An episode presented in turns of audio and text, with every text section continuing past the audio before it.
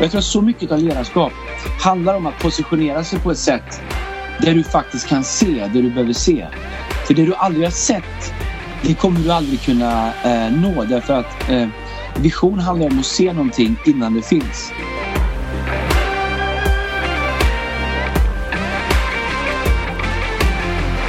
Hörrni, vi säger välkommen. Det är fredag, Fearless Friday. Eh, är det så till och med att fredagen är den nya Fearless-dagen? Vi, vi, tror det. Eh, jag med Andreas, vi ber om ursäkt på en gång ifall ljudet är lite sämre. Vi är på resande fot båda två, eller hur? Yes, vi är på resande fot. Jag eh, kan säga att det här avsnittet det är så, eh, så glamoröst. Jag sitter under en våningssäng, eller mitt emellan två våningssängar eh, med eh, lite madrasser och täcker och kuddar och, och halvbra utrustning. Så eh, vi hoppas det ska funka i alla fall. Vi har bra content idag i alla fall, även om våran uh, inramning inte är det bästa vi har haft. Vi har sjukt bra content. Säg, säg, typ vad det är så ska jag gissa vilket landskap du är Va? Säg typ vart du är så ska jag gissa vilket landskap är Det vet jag inte. Dals har du varit i Dalsland någon gång? Dalsland? Vilka, säg, säg några stora städer i Dalsland. Vet du, det är precis bredvid Värmland, ligger söder om Värmland. Du har ju Åmål. Ja, jag tror Har du sett den filmen? Googlar du nu eller? Nej, nej, nej, jag googlar inte. Ja, sen kommer Bohuslän där någonstans och det är rörigt. Ja, jag, jag, tror att du är på slätta någonstans. Västergötland, Skaraborg. Västergötland, ja det är bra. Hörni, vi spelar in vecka... Det här är avsnitt 34. 34 stycken avsnitt av Fearless-podden. Alltså det, är, det är ju väldigt, väldigt bra. Vi går in i en bra säsong Andreas, det måste vi ändå säga. Alltså det är så mycket sport nu. Ja, 34 hade ju Peter Cehlarik, eh, våran sniper förra året. Det var ett bra nummer. Um, Ragge, Marcus Ragnarsson. Ragge. Ragge, ja han gjorde inte så mycket framåt va? Inte så mycket mål. Ja. Alltså, det, har du tänkt på många av de här hockeyspelarna, de hade ju inte haft en chans nu för tiden när backarna liksom inte får ryggsäckar på forwarden och bara hänga Nej. på dem, haka sig fast. Flera av dem kan knappt åka skridskor. Kommer du ihåg när Douglas Murray kom hem och skulle spela i Djurgården? Och du skulle tackla i sargen han hade aldrig tillbaka till mål. Han var grym i NHL. Så. Det är också fel på hur stora planer vi har. Det är, ja, det är, det är, han kom ju upp under en era där du kunde köra in klubban i grenen och åka efter dem bara som back. Det var ju ett, ett annat spel. Men du, vi har haft några bra veckor, eller hur? Vi, Jättebra. Har du haft en bra vecka eller? På vi, tänker du på Malmö FF som är klara för Champions League eller tänker du på att... Eh, jag tänker på Guds rike. Jaha. Det är Jesus gav sitt liv för. Alltså jag, jag upptäckte Erik, det tycker jag är bra. Ju sämre det går för Djurgården, ju mer vill du prata om Guds rike. Det är ju... Kan, det kan faktiskt vara så att Gud är inblandad att han vill ha det fokuserat. Får jag, får jag liksom avslöja lite grann? Vi, har ju, vi pratar ju om This is Christmas. Vi är ju inte så många månader bort från This is Christmas. Nu, öppn, nu öppnar det ju, ser det ut att öppna upp här några veckor. Vi hade alltså, fest, hur stor fest kan man ha då? Uff, vad bra det kommer Som vi har längtat alltså. Men vi, vi, vi, vi kommer göra This is Christmas utomhus. För jag var faktiskt eh, på Kungsträdgården här runt lunch. Det är lite senare idag faktiskt. Eh, och eh, vet, där bygger de upp en, en hockeyrink mitt i. En isbana. Men jag funderar på om jag ska prata med några på En hockeyrink eller en så här, du vet, man kan låna på skridskor och åka runt en gran? Jag kan låna på skridskor. Men jag tänkte, du fattar väl på hela Djurgårdens första femma i This is Christmas i år? Ja, det borde vara enkelt för ni har ju ingen första femma. Ni har inga centrar till att börja med. De är skadade allihopa. Så vi får ringa Rätt och, och Sörensen och fråga om de kan komma. För det är väl i bästa fall i den första femman. Ah, Okej, okay. men det, annars det, det har varit mycket du bra. Du vet ju att Dick, Dick Axelsson kommer, de kommer ringa honom i panik i slutet på november när han kommer in lite med chipspåse och, och en bra klubba dribblar lite. Det är aldrig fel alltså. Det är aldrig fel. Nej, nej. Men, men eh, vad heter det, vad ska jag säga, det var annars varit bra veckor. Alltså mycket bra musik som har släppts. Ja, Kanyes skiva tycker jag är fantastisk. Otroligt eh, bra. Framförallt låten 24 med Corey Henry. Vem gör 28 spår? Han är produktiv måste jag säga. Men du, eh, ABBA då? Eh, det har inte kommit till än. jag, ska, jag ska, det finns på min lista. Det är bara att det, det är så mycket annat för det. Men jag, jag hörde någon låt på radion. Kommer, eh, kan det vara så här? Jag, jag har bara en, jag vet inte. Det, jag vet att ABBA är helhet. Man får liksom inte, jag har ju ingen kritik. Säg bara så här, 2021, måste engelskan vara lite bättre när man sjunger på engelska eller? Ja, produktion. Alltså jag, jag, kan inte riktigt bestämma mig om det är bra. Alltså den är väldigt uppskattad. Jag såg att de har, båda låtarna ligger på topp 50 i världen globalt. Spotify. Nej, men ABBA är ju genier och Björn. Så jag säger inte om det. Jag säger bara att jag tror att så här 70-talet när de var som störst. Du kom undan med att vara från Sverige och, och sjunga liksom på lite, med lite svängiskt uttal. Ja. Jag undrar om man gör det 2021? Nej, nej. Ja, eller så är det hela grejen med ABBA. Att folk ja. älskar det. Kanske jag som inte begriper.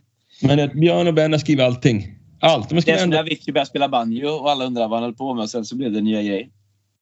Ja, galet. Nej, vi tycker det är bra. Vi är stolta över ABBA. Men vi ja. är med över det som händer med kyrkan nu. Vi, i, vi, vi flyttar in en ny lokal i Stockholm City på söndag. Det är vi exalterade för, eller hur? Clarence Sign. Clarence Sign. Helt otroligt. Och, och uh, det här är ju ändå en ledarpodd så vi ska uh, prata om något seriöst. Otroligt uh, intressant hur det är med utmaningarna med lokaler för oss i City. Och, och uh, City är på många sätt vår viktigaste campus eftersom det är vårt kulturella nav, vårt kulturella center. Det är den vi startade från början. Alla våra campusar är otroligt viktiga och värdefulla men, men, inte minst City. Och vi har inte haft någon lokal på flera veckor och eh, uh, nej, vad enkelt det hade varit den här gången att bara lägga sig ner och säga att det finns inget. Ja, det går inte. Men, men, men ledarskap hittar ju en väg liksom och, och, och liksom trycker även när det sitter fast. Jag är tacksam för jobbet som har lagts ner, för jobbet som har gjorts men också för att Gud givetvis har varit med. Verkligen. Det ser framåt. Det, det, är, det blir fantastiskt nu på söndag. Men Andreas, eh, eh 34 avsnittet. Idag, eh, frågan med titeln är så här. Ibland så pratar vi inte om vilken titel vi ska ha men kanske är titeln ett sånt där svårt ord som kanske måste förklaras. Proximity. Det är kanske till och med är vår titel på, eh, på dagens, eh, dagens Fearless Leadership. Eller vad tycker du? Ja, det kan ju vara den mest eh, sofistikerade titel vi haft för någonting. Proximity. Jag gillar ordet proximity. Jag har vissa... Jag, jag har en så här lite, jag vet inte om det har med mitt huvud att göra, att det inte alltid funkar som det ska. Jag hänger upp mig på vissa ord liksom och då är det liksom månadens ord som jag jobbar med. Liksom. Det bara kommer in i allting. Liksom. Diskrepans hade jag ett tag eller paradoxal, whatever. Men jag gillar... Pro, va? Nej, fortsätt. Ja, jag gillar pro, proximity. Uh, därför att uh, det beskriver liksom, det handlar om närhet, tillgänglighet inom ramen för att vara liksom uh, um, um, att, att vara närvarande i. Liksom. Jag, jag, tycker att det finns inget riktigt bra svenskt ord som, som fångar det på det sättet. Så proximity tycker jag vi kan prata om idag. Och är det så liksom att, eh, att de, de flesta ledarna som har gjort någonting stort med sitt liv, de har förstått det här. Tittar man på de, största, de människor som gör störst skillnad i Bibeln också så är det människor som har förstått proximity och förstått liksom kraften av att faktiskt kanske ta rygg på någon. Ja. Och ha människor, inte bara sen när man är liksom i den andra eh, sitsen, och så att, att ha människor som tar rygg på en själv. Får jag, bara säga, jag, jag, jag, pratade innan du hoppar in, för jag vet att du ska berätta en, en bibelstory. Ehm, jag, eh, jag på tal om musik. Max Martin är ju en stor svensk producent, låtskrivare. Kanske den som tillsammans med Björn och Benny har skrivit flest eh, hits som, eh, som världsartister sjunger. Han är ju, om du googlar på Max Martin så finns det inte, knappt en enda artikel om den mannen. Men han är tydligen extremt stor det gäller, liksom, när det kommer till proximity. Han tar en och en i taget. Jag, jag känner Lales man Gustav ganska bra och eh, Lale eh, var ju över LA eh, och flyttade över dit ett par år och eh, och eh, Max, eller Martin som han heter, sa, sa till Lale, kom och, kom och, kom och, hon kom till honom och sa jag vill, jag vill lära skriva sånger som du, som du skriver. Och sa så här, kom och sitt i min studio i två år. Kom och sitt i min studio i två år. Ja, var ska jag sitta? Vilka, du ska bara sitta här bredvid mig. Så satt bredvid eh, Max Martin i två år. Proximity. Eh, ja. Och tittade och lärde sig och såg och sen så kom Lale ut därifrån och skrev bättre låtar än man någonsin har gjort tidigare. Ganska mäktigt, eller hur? Ja, och jag tror liksom att det... Jag, i vissa fall tror jag att det håller på att bli en lost art. Jag tycker det är grymt att alla göra det. Jag vet Andreas Karlsson som också var med i Sheridan-stallet, uh, låtskrivare, god vän till mig.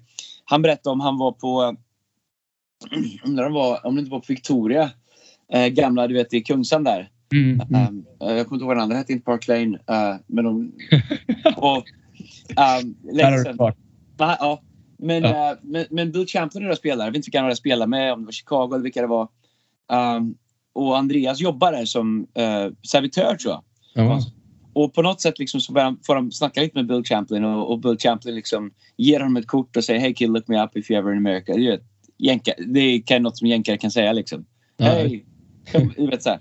Men Andreas veckan efter eller vad det är. Han köper en biljett till LA. Tar en taxi och åker dit, knackar på hans ytterdörr i hans liksom, mansion. Och säger hej du sa jag, jag kunde komma eh, förbi. Um, och, och du vet, så här, vem gör en så? Vilket gör, som Andreas berättade, står Bill Champion öppnar dörren. Bill Champion, för er som inte vet det, låtskrivare. En av de legendar låtskrivare. Han tog rygg på David Foster kan man säga. Ja, ja, ja. ja. Uh, men uh, så Andreas får komma in och de sätts och skriver lite grann liksom så här och hans, du vet, de, de blir liksom vänner på dagen där liksom, gitarr och, och flygel och hans fru kommer hem och säger jag ska göra köttfärslimpa, stanna kvar på middag och det slutar med, inte jag, om jag inte förstått storyn fel, att, att han bor i något så här gäst, litet gästhus på, på tomten som de har där och det är liksom hans väg in. Men du vet så här, de flesta människor hade ju sagt eh, jag åker inte om jag inte vet att jag får ett möte eller jag åker inte om jag inte vet att liksom, vi har en deal eller att allt är förberett men jag tror för min egen del också, några av de viktigaste sakerna. Jag, jag har på riktigt rest runt hela jorden. Mm, mm. Eh, och eh, inte alltid på komfortabla sätt. Kört tiotals timmar i sträck med bilar. Bara för att få ögonblick eller proxe- komma i proximity under ögonblick med människor som har någonting som jag vill ha. Uh, satt några businessledare, några, några otroligt stora uh, businessledare i Sverige, uh, driver stora företag. Uh, några olika faktiskt, uh, mer än jag brukar sista, sista veckorna. Uh, och jag försöker alltid tänka på liksom, uh, vad är det bästa jag kan få ut av den här stunden? Vad kan jag lära mig? Vilka är de bästa frågorna att ställa? Ja. Vad kan jag dra ifrån den här personen som gör att jag sparar många, många år av saker som den här personen har gått igenom för att lära sig den kan. Genom att ta en posture och en attityd av jag är här för att lära mig. Eh, och eh, jag tror att my- mycket av Proxemery handlar om att se till att du har mer frågor än svar. Det, det, det finns ju en otrolig story. Du undervisar eh, vårt staff, Andreas, alla våra interns eh, i, i, i tisdags om det här. Det finns en otrolig story i Bibeln om, om en profet som heter Elia och eh, hans follower. Kan, kan du bara sätta upp den lite grann kort? För det kommer make sense tror jag, för människor sen resten av det här avsnittet. Ja, man kan säga Gamla Testamentet så eh, även de som inte läser Bibeln kan, känner ofta till att Gud använder något som heter profet. Det var en person i taget som var liksom uttolkare av det Gud ville säga och sådär. Och, eh, ofta har det varit en person alltifrån liksom ja, David och Saul och profet som heter Samuel och Na- no, no, no, lite olika sådär. Men så fanns det en som hette Elia. Och Elia var liksom eh, den som Gud hade lagt sin hand över och, och, och man såg att Gud var med. Man kunde göra undertecken och sådär. Eh, och, eh, men han har, en, han har liksom en hangaround som heter Elisa. Och eh, när Elia liksom kom mot slutet av sin, sin, sitt liv och, och, och ska upp till himlen så, så har han liksom typ som en sista resa skulle man kunna säga. Och, och man, det står i, eh, man kan läsa om det i Andra Kungaboken 2. Så jag tror att han går till tre ställen. Först går han till eh, eh till eh, Gilgal tror jag det hette. Jag kommer inte ihåg exakt. Eh, eh, och eh, eh ja, Gilgal heter det. Sen så går han till Jeriko och sen så går han, eh, han ska någonstans, han går över Jordan i alla fall. Eh, och ehm, vid alla de här tre, tre tillfällena när han, vill, när han ska det är liksom som tre slussar. För han, till, han ska till olika platser och varje gång han ska till en av de här platserna säger han till Lisa, alltså han som är med honom, som är hans tjänare, som är det och, och som hjälper honom, som, är, som bara bestämt sig för att jag vill ha Proxemery till Elia, som är gudsmannen. Varje gång han ska gå till de tre ställena så säger Elia till sin tjänare Lisa, stanna kvar här. Äh, Du behöver inte följa med sista biten. Men Eli, Elisa svarar varje gång, aldrig i livet, eller det kommer jag inte göra. Dit du går, dit går jag. Och, och det är liksom nästan som ett test. Och så, så först till Gilgal, sen okej, okay, följ med mig då, säger Elia. Sen ska de gå till Jeriko senare och då säger Elia till Elisa, stanna kvar här. Du behöver inte följa med mig sista biten. Jag, jag, du, du, du behöver inte det. Och det har varit enkelt för Elisa att säga, nej men vad schysst, nej, men går, jag, jag hänger kvar här, jag är här. Men, eh, men Elisa säger, nej nej nej, dit du går, dit går jag. Tredje gången, samma sak. Och då säger Elisa, förlåt, Elia säger till Elisa, ehm, du har varit bra. Tack för allt du har gjort. Bla, bla, bla. Om, du, eh, du, om du vill får du be mig om vad du vill. Typ. Du kan be om vad du vill. Och Elia han säger att jag vill ha det du har. Eller förlåt, Elisa säger jag vill ha det du har. Exakt. Jag vill ha dubbelt så mycket av det. Och då säger Elia något spännande. Han säger du har bett om något mycket svårt. Men om du ser när jag tas bort ifrån dig då ska du få vad du begär, inte annars. Men det som är intressant, Bibeln är ju skriven liksom ja, för de som har satt sig in i det finns ju väldigt mycket bevis för Bibeln. Liksom. Det finns ju liksom så sjukt mycket skrifter, eh, historiska dokument. Så man vet att det här, att det här finns. Så, så när man läser det som kallas för grundtexten eller studerar det här så verkar det som att Elia inte säger om du ser när jag tas bort. Det, det kan tolkas så också. Men man kan också läsa in i i det här att han säger om du ser det jag ser när jag tas bort, då ska du få det du har begärt. Jag tycker det är ganska coolt. För jag tror att det är så otroligt mycket om ledarskap och växa som ledare och fortsätta växa som ledare. Det handlar om att bestämma sig för vad man ser. Du kan vara runt bra ledare, du kan vara runt människor men du har aldrig någonsin bestämt dig för att se vad de ser eller öppna dig eller exponera dig eller göra dig tillgänglig eller um, vi pratar om positionering och exponering lite grann. Kanske kommer in på den sväng här. Men jag tror att det, hela grejen för Elisa var att han hade proxemery, han var nära Elia så länge att han hade förstått hur han ska titta för att se. Och jag tror att du kan titta utan att se. Alla människor tittar. Men det är skillnad på att titta och på att se. Så han säger om du ser det jag ser. Vill du leda som mig, vill du göra som jag, då måste du se vad jag ser. Uh, och uh, jag, jag, tycker det är en enorm uh, fascinerande liksom, hemlighet, ledarskapsprincip där i. Men för, för, att liksom, om vi går in på de två punkterna Andreas som du undervisar om, positionering och exponering som du sa då, så här, eh, under proximity. Så nummer ett för att liksom få det andra har och så vidare så handlar det om positionering. Och du sa en sak som jag tyckte var grymt i tisdags. Att den, stora, den stora anledningen till att vi inte ser det andra människor ser är att vi inte är där andra människor är. Så många grejer i, i ledarskap du har, du har nämnt det lite grann men det skulle vara intressant att höra lite grann personen hur du har varit andra människor är. Alltså så mycket ledarskap handlar om att bara vara, att dyka upp, att show up, att vara när det händer, vara där när det händer. Eh, kan du inte tala in det lite grann? Ja, jag tror att så här, jag tror ledarskap väldigt mycket du läser saker, du lyssnar på andra och här, men jag tror så mycket av ledarskap, det ledarskap som man verkligen har är ju det som man har en uppenbarelse om eller det som du har en liksom, egen revelation om. Och jag tror för att komma dit så måste du liksom du måste se det. Förstår du? Inte bara, inte bara betrakta det, men du måste se det.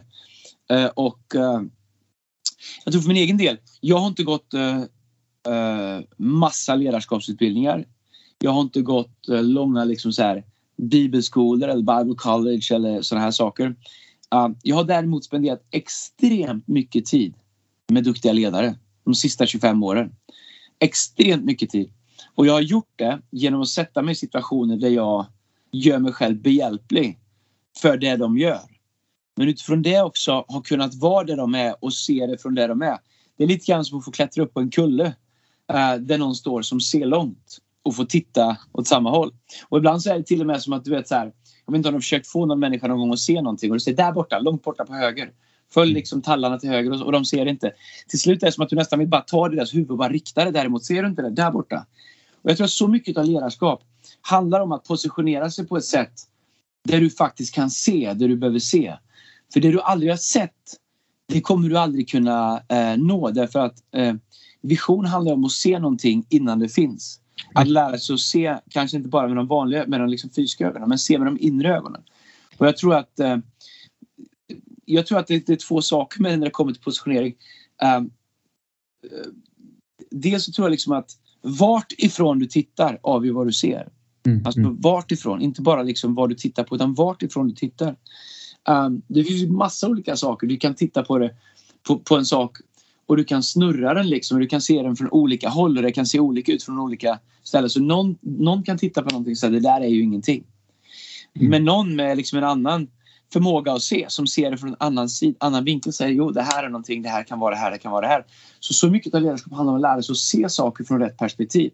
Men jag tror ganska ofta så är vi vi är ganska liksom tidigt. Jag tror att, och jag, tror, jag, jag, tror, jag tror att det är något som är, kommer vara mer utmanande för varje generation som det verkar nu vi är mer satta i vad vi tycker tidigare än vad vi någonsin har varit. Redan vid en ung ålder säga jag tycker så här om det här, det här om det här. Jag ser världen så här, det är så här, det är så här, det är så här. En av de sakerna som hjälpt mig mest av allt det har varit att ibland till och med provocerande på ett utmanande sätt bestämma mig för att se saker på ett annat sätt genom att positionera mig på ett sätt så jag kan se det. Verkligen. Men, men tror du inte att det är så här, jag, jag, gillar jättemycket det du pratar om nu, men är det inte så att jag har ju varit med själv i rum liksom, där du ser någonting och jag har ju varit där hela tiden. Det är inte så att jag är blind, det är inte så att jag inte har tittat, men jag har, liksom, jag har ju sett det men jag har inte sett det. Förstår jag menar? Alltså, jag, jag, tycker det är så coolt i den här storyn som du läser. Någon borde gå in och läsa den i Andra Kungaboken. För där i början så slår Elia med sin mantel på vattnet och vattnet delar på sig och det första Elisa gör efter att Elia har lämnat jorden det är att han gör exakt samma sak. Det betyder att han såg mm. saken, eller hur? Ja. Eh, kan du inte prata in det lite grann där? Hur, hur man kan lära sig liksom att se, se, verkligen se? Ja, men jag, tror, jag tror att det finns, det finns liksom eh, det finns vissa principer för det som jag tror gör det möjligt eller omöjligt eller bättre eller sämre. Jag tror precis som du säger med Elisa, han gjorde samma sak som han hade sett Elia göra. Mm. Um, och uh, jag tror att en av grejerna som, jag, som har varit superviktig för mig, som jag tror är viktig, det är att bara lita på, okej, okay, om, om det här fungerar, har fungerat för den, då, då kommer det fungera för mig. Att inte alltid tänka att jag måste göra om allting för att säga att jag kom på det. Uh, det andra, är, vet inte riktigt hur jag skulle beskriva, men en av de viktiga sakerna för en ledare uh, Per-Lars Cummings ringer. Då borde han kunna känna av att vi spelar in podd nu. Bara. jag lägger på det.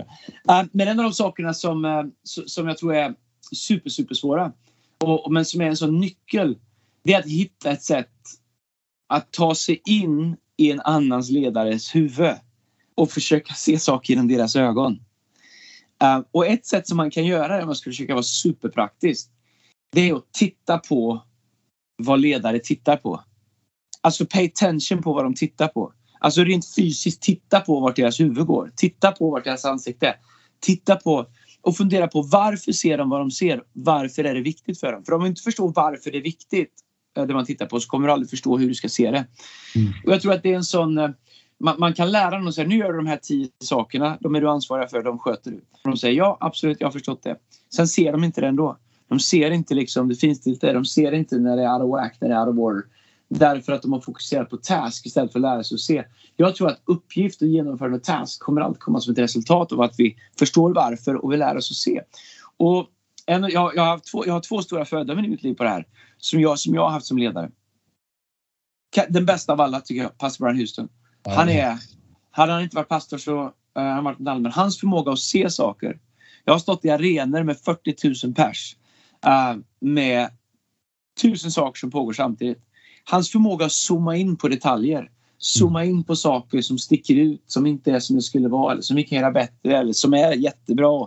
Highlighta det. Hans förmåga att under en splitsekund zooma in på detaljer och se det eh, är helt fenomenal. Alltså outstanding. Det, det är överjordiskt. Det var samma sak när jag var i USA och jobbade med som, han som pastor då, coach Tom Mullins. Uh, han heter coach, jag kallar honom coach därför att han var amerikansk fotbollscoach tidigare. Mm. Uh, I USA är så once a coach, always a coach. Men hans förmåga att se saker i rum som avvek från excellens eller avvek från eller du vet så här beteende, attityd, whatever. Uh, old school passar mig bra. Hans förmåga att bara plocka upp det och se och uh, kunna skanna liksom. Jag kommer ihåg när man åkte genom åkte in parkeringsplatsen till kyrkan där liksom och han kunde se en buske som hade var full av liksom, som ingen såg, liksom, full av massa döda löv på. Liksom. Han var, den här måste vi göra någonting åt. Väldigt ser fint ut när folk kommer till kyrkan på söndag. Spelar en jättestor roll. Eh, den busken kanske inte spelar stor roll men om den busken inte betyder någonting så kommer inte tio buskar betyda någonting heller och då har vi helt plötsligt ett problem. Så förmågan att lära sig. Så jag har spenderat extremt mycket tid och, och, och, och jag försöker att lära ut det här till de jag har runt omkring mig för jag tycker att som ledare om du ska leda någonting som är visionärt, du ska göra saker som är visionära. Jag vet inte om det går att rangordna men definitivt att den här förmågan är kanske den viktigaste av alla. Samma sak i företag, samma sak, det är samma sak i äktenskap. Mm. Så här, lära sig att se vad, vad man inte ser. Ja. Vad är det jag borde se liksom, i min relation till mina barn? Vad behöver de? Vad är det jag borde se i mitt äktenskap? Vad, vad behöver min fru från mig? Vad är, det vi, vad är det vi gör som är bra? Vad är det vi inte gör som är bra? Du vet, så här, förmågan att se liksom.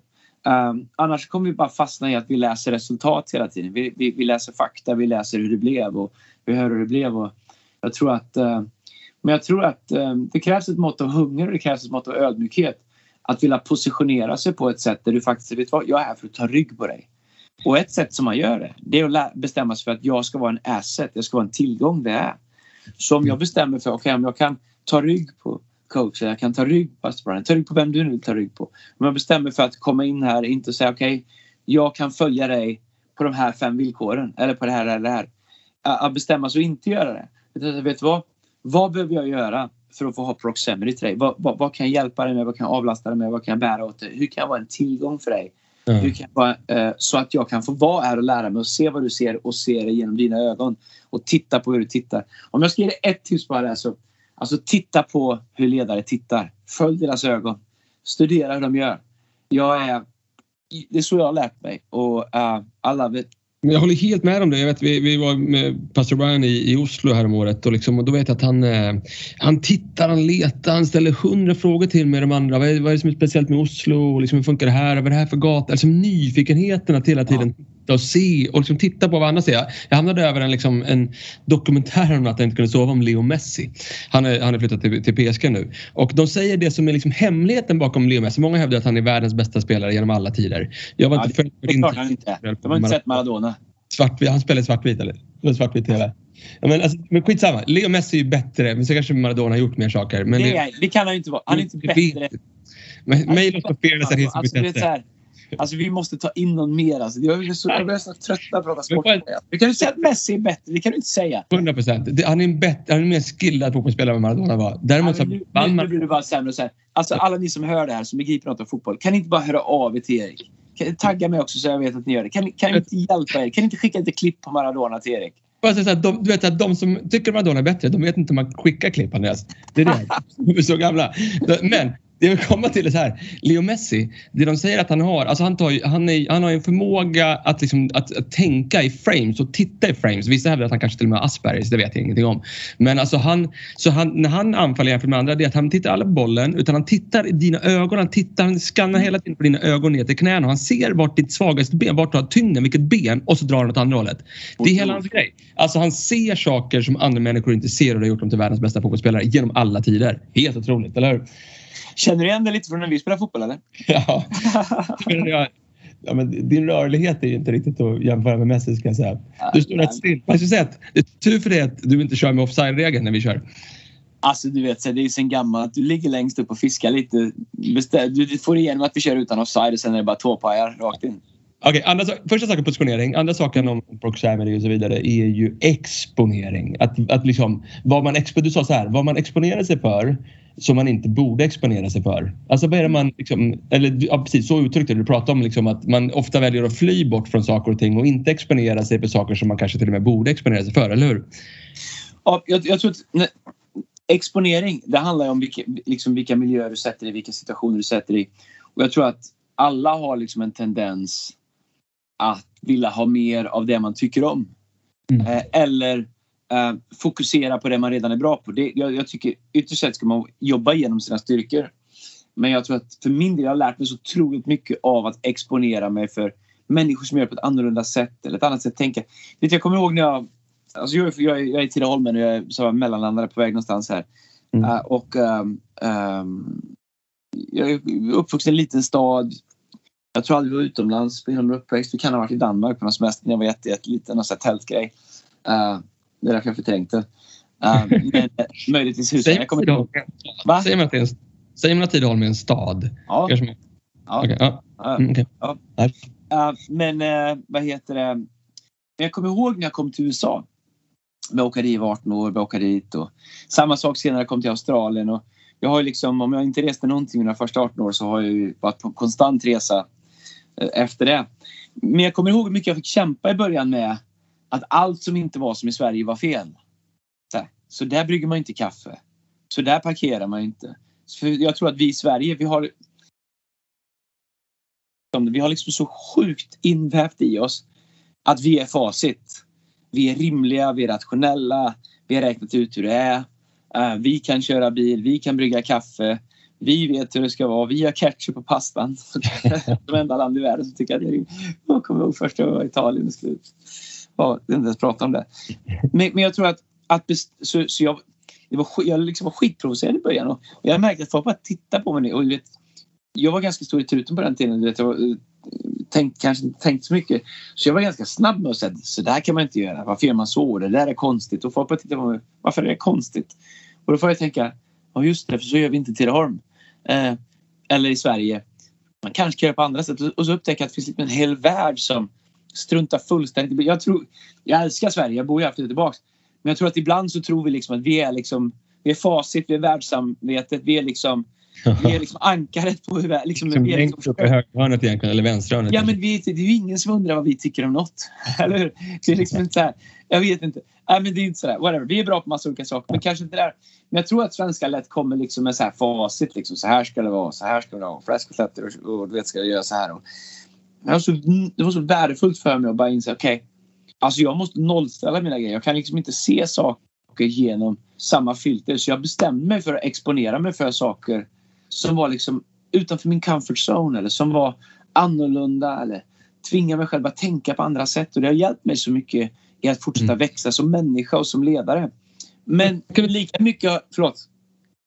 Jag, jag, jag tänker liksom, du, det du är inne på Andreas, det är ju också liksom förmågan att kanske liksom, jag vet att jag tror till och med att du sa det, liksom, skillnaden på att liksom uthärda feedback eh, eller att söka feedback.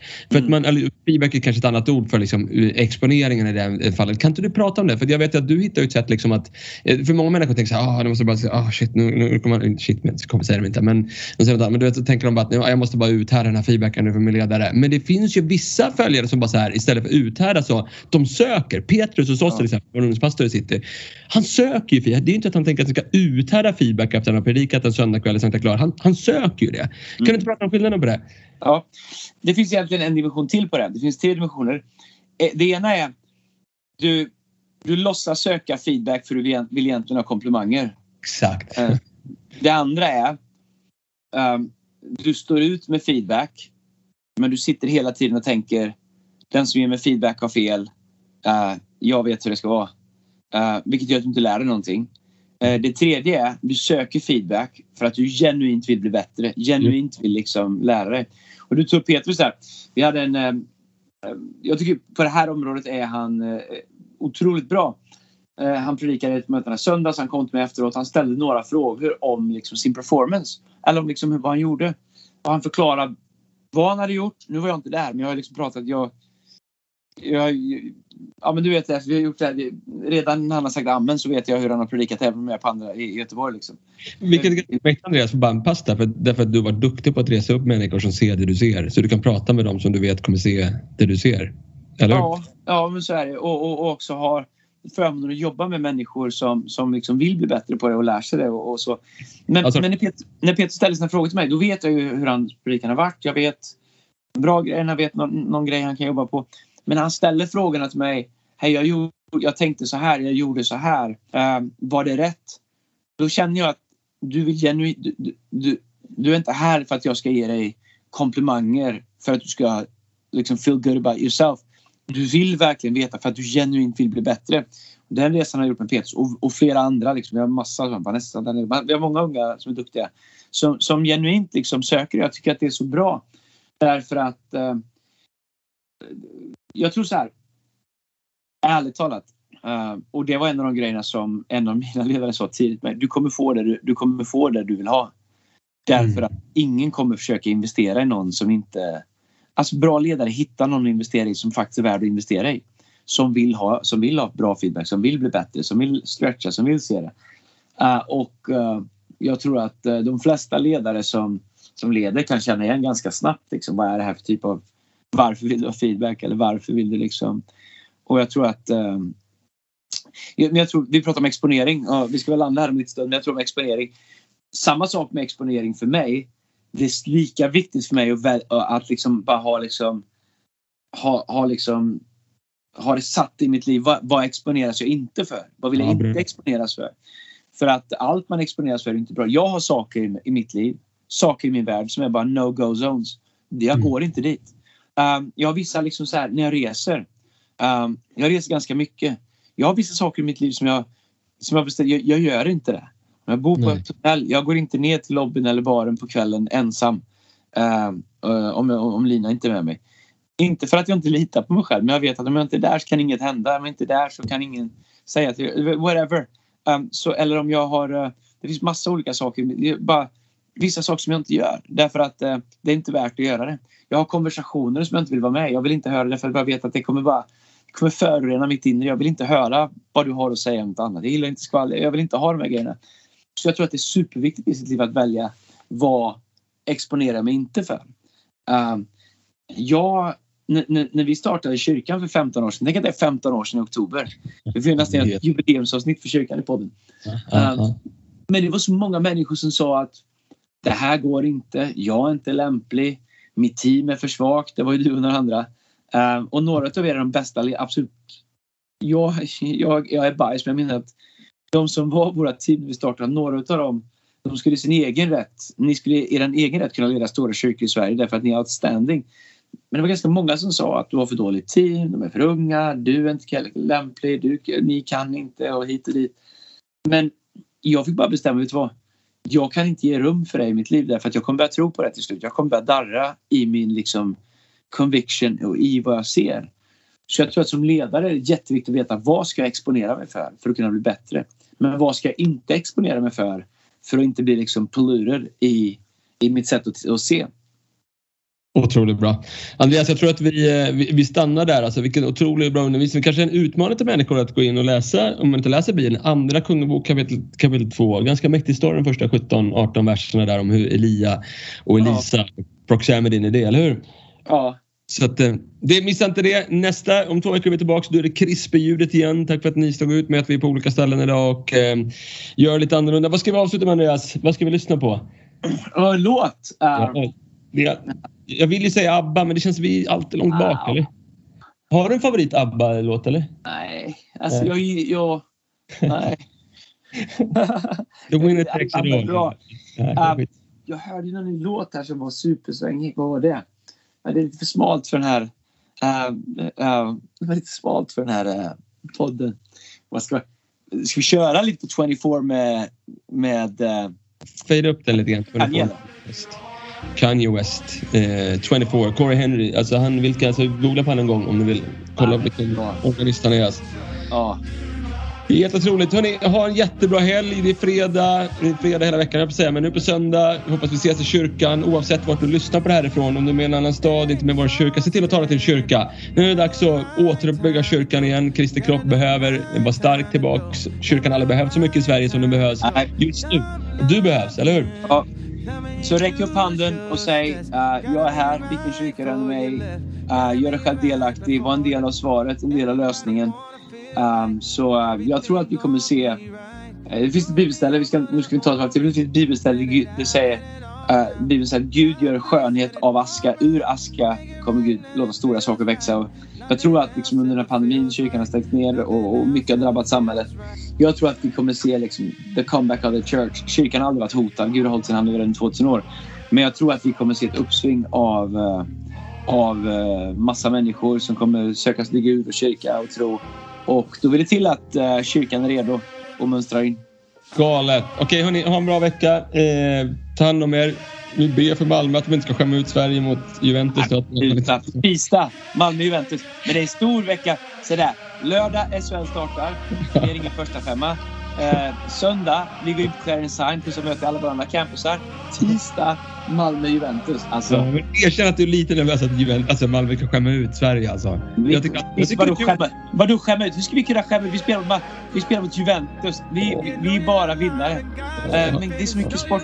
Du kan nu kolla, har jag någon komp till? Kan jag kompa ut lite? Jag, jag skulle behöva kolla ut sport här. Ja, nu kör vi. Okej, okay, hörni. Ha en bra vecka. Gud välsigne dig. Ha det bra allihopa.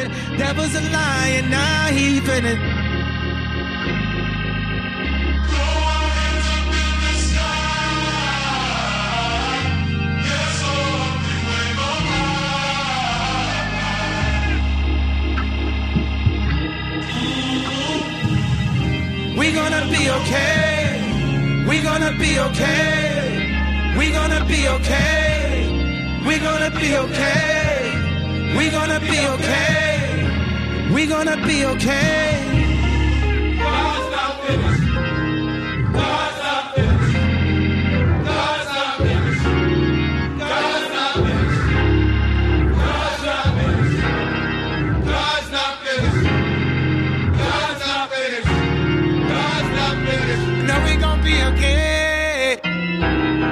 Be okay. We gonna be okay. We gonna be okay. God's not finished. God's not finished. God's not finished. We gonna be okay.